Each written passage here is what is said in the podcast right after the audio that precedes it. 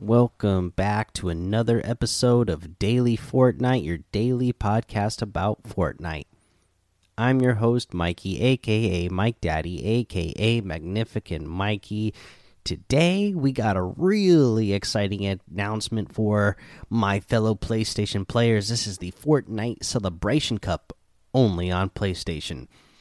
On February 15th and 16th, eligible PlayStation 4 Fortnite players can drop in and compete in the Fortnite Celebration Cup solo competitions for an opportunity to earn in game items and a share of $1 million in cash prizes.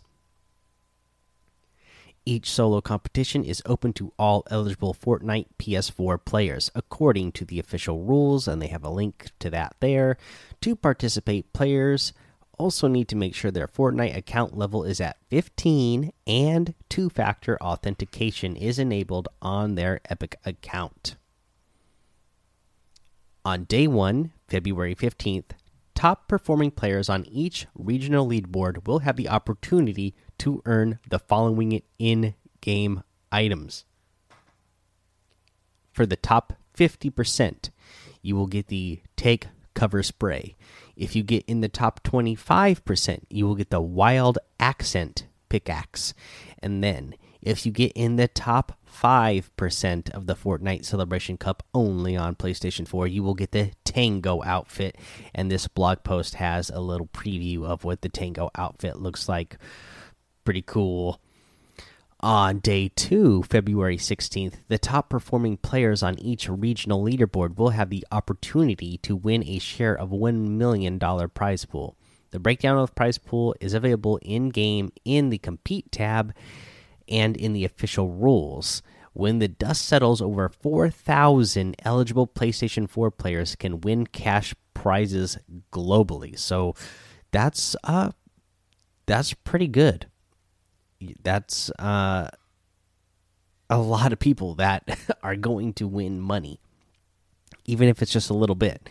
Uh, you know, if you're number 4,000, you're still going to get a little bit. So can't complain about that too much we have for information on exact timing for your region and details on how to play drop into Fortnite on your PlayStation 4 console and head to the compete tab in game. Start practicing today and we'll see you on February 15th for the tournament. So yeah, that's coming up February 15th and 16th. Again, on the 15th is the day that you can compete to get those free prizes, and then the 16th is the day where you can compete uh, for some cash prizes. So pretty cool for us uh, PlayStation uh, players. You know, we just had a server region specific tournament over for Oceania and Asia. Uh, now we got one specific for PlayStation. I'm sure Xbox will get one. Be kind of insane if they even did one for like Switch and mobile. Uh, we'll see what they decide to do. It seems like this is kind of the theme that they're going with to get people more excited for these uh, cup style tournaments. Is you know you can get a lot more of these. Uh, uh for people like myself, who I'm not really a pro player and uh, you know a high level competitive player because I just don't have that kind of time, you know. So I am more of, uh, as you guys know, I've played a lot of arena in previous seasons, so I, I consider myself more of a casual competitive player. But uh, some of these, I feel like I can definitely, you know, I, I, the top 50% shouldn't be hard. Top 25 shouldn't be hard for based on what I've did. Top 5% because I haven't played competitive really the last two seasons it might that might be a little bit tougher but i've in other cups you know back way back in the day when we had cups uh, the first uh, cups that came out I, I, was getting in like the top five four three two percent so it's possible i maybe could still do that but the game has changed so much since then we'll have to see. If I if I get a chance to play in this one, I'm definitely going to to get some free prizes. Uh, looks like a lot of fun, or sounds like it'll be a lot of fun.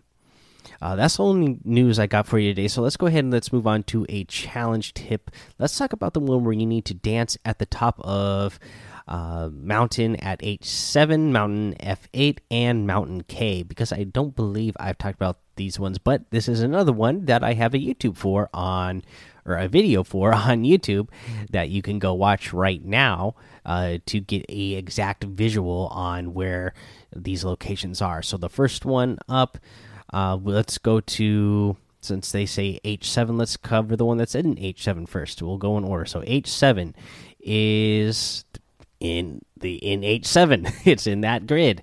You go to the top of that mountain, that's where you're going to land. Uh, and then dance when you get there for mountain F8. Same thing. It's the big tall mountain F8 land on the very top and dance. And now mountain Kay because it's K A Y. You know the it's not an actual. There's no K. So what you're doing is you're landing at the top of the big mountain in G7 at the bottom of the grid on G7. You land on top of that, and that is where you're dancing for that one. Uh, and uh, yeah, make sure you remember to dance when you get to each of these locations. Now, they're not so far away from each other that you could probably do all of these in a single match, depending on, you know, the way the circle ended up for you, the storm circle ended up for you. But uh, I did them all in separate mass uh, matches especially since you can ready up for the next match in game. Uh, right now, uh, I would just go dance at the top of the mountain, uh, jump off, get eliminate myself so that I can quickly get uh, to the next one. That's how I did it. Got done really fast. Uh, let's see here, guys. Let's go ahead, take a break, and we're going to come back. We're going to go over today's item shop. So for today's item shop, we have the Moisty Merman outfit back in the item shop today, all the way back from season four. It comes with the Mer Tank back bling, and remember they added selectable styles, uh, you know, since it first released. So now you have the default, you have the blue, the orange, and the purple variants as well. Uh, so this is 2,000 V bucks. You have the hot wire outfit that comes with the turbo coil backbling for 1,500. The megavolt harvesting tool for 800. The uh, limelight outfit that comes with the wedge back bling for 1200 again selectable styles you have the default and the juice you have sour strikers harvesting tool also with the selectable style uh, juice as well. You have the ultra sour uh, wrap. Oh, sorry, forgot to mention these V bucks. So the sour strikers harvesting tool is 800, and the ultra sour wrap is 500, and the zesty wrap for 300. You have the Dream Flower outfit that comes with the hip shakers back bling for 1,500. The Scout outfit uh, for 800. Another great, uh, you know, uh, slick one there. The Hootenanny emote for 500. The tree splitter harvesting tool for 500. The old school emote for 500.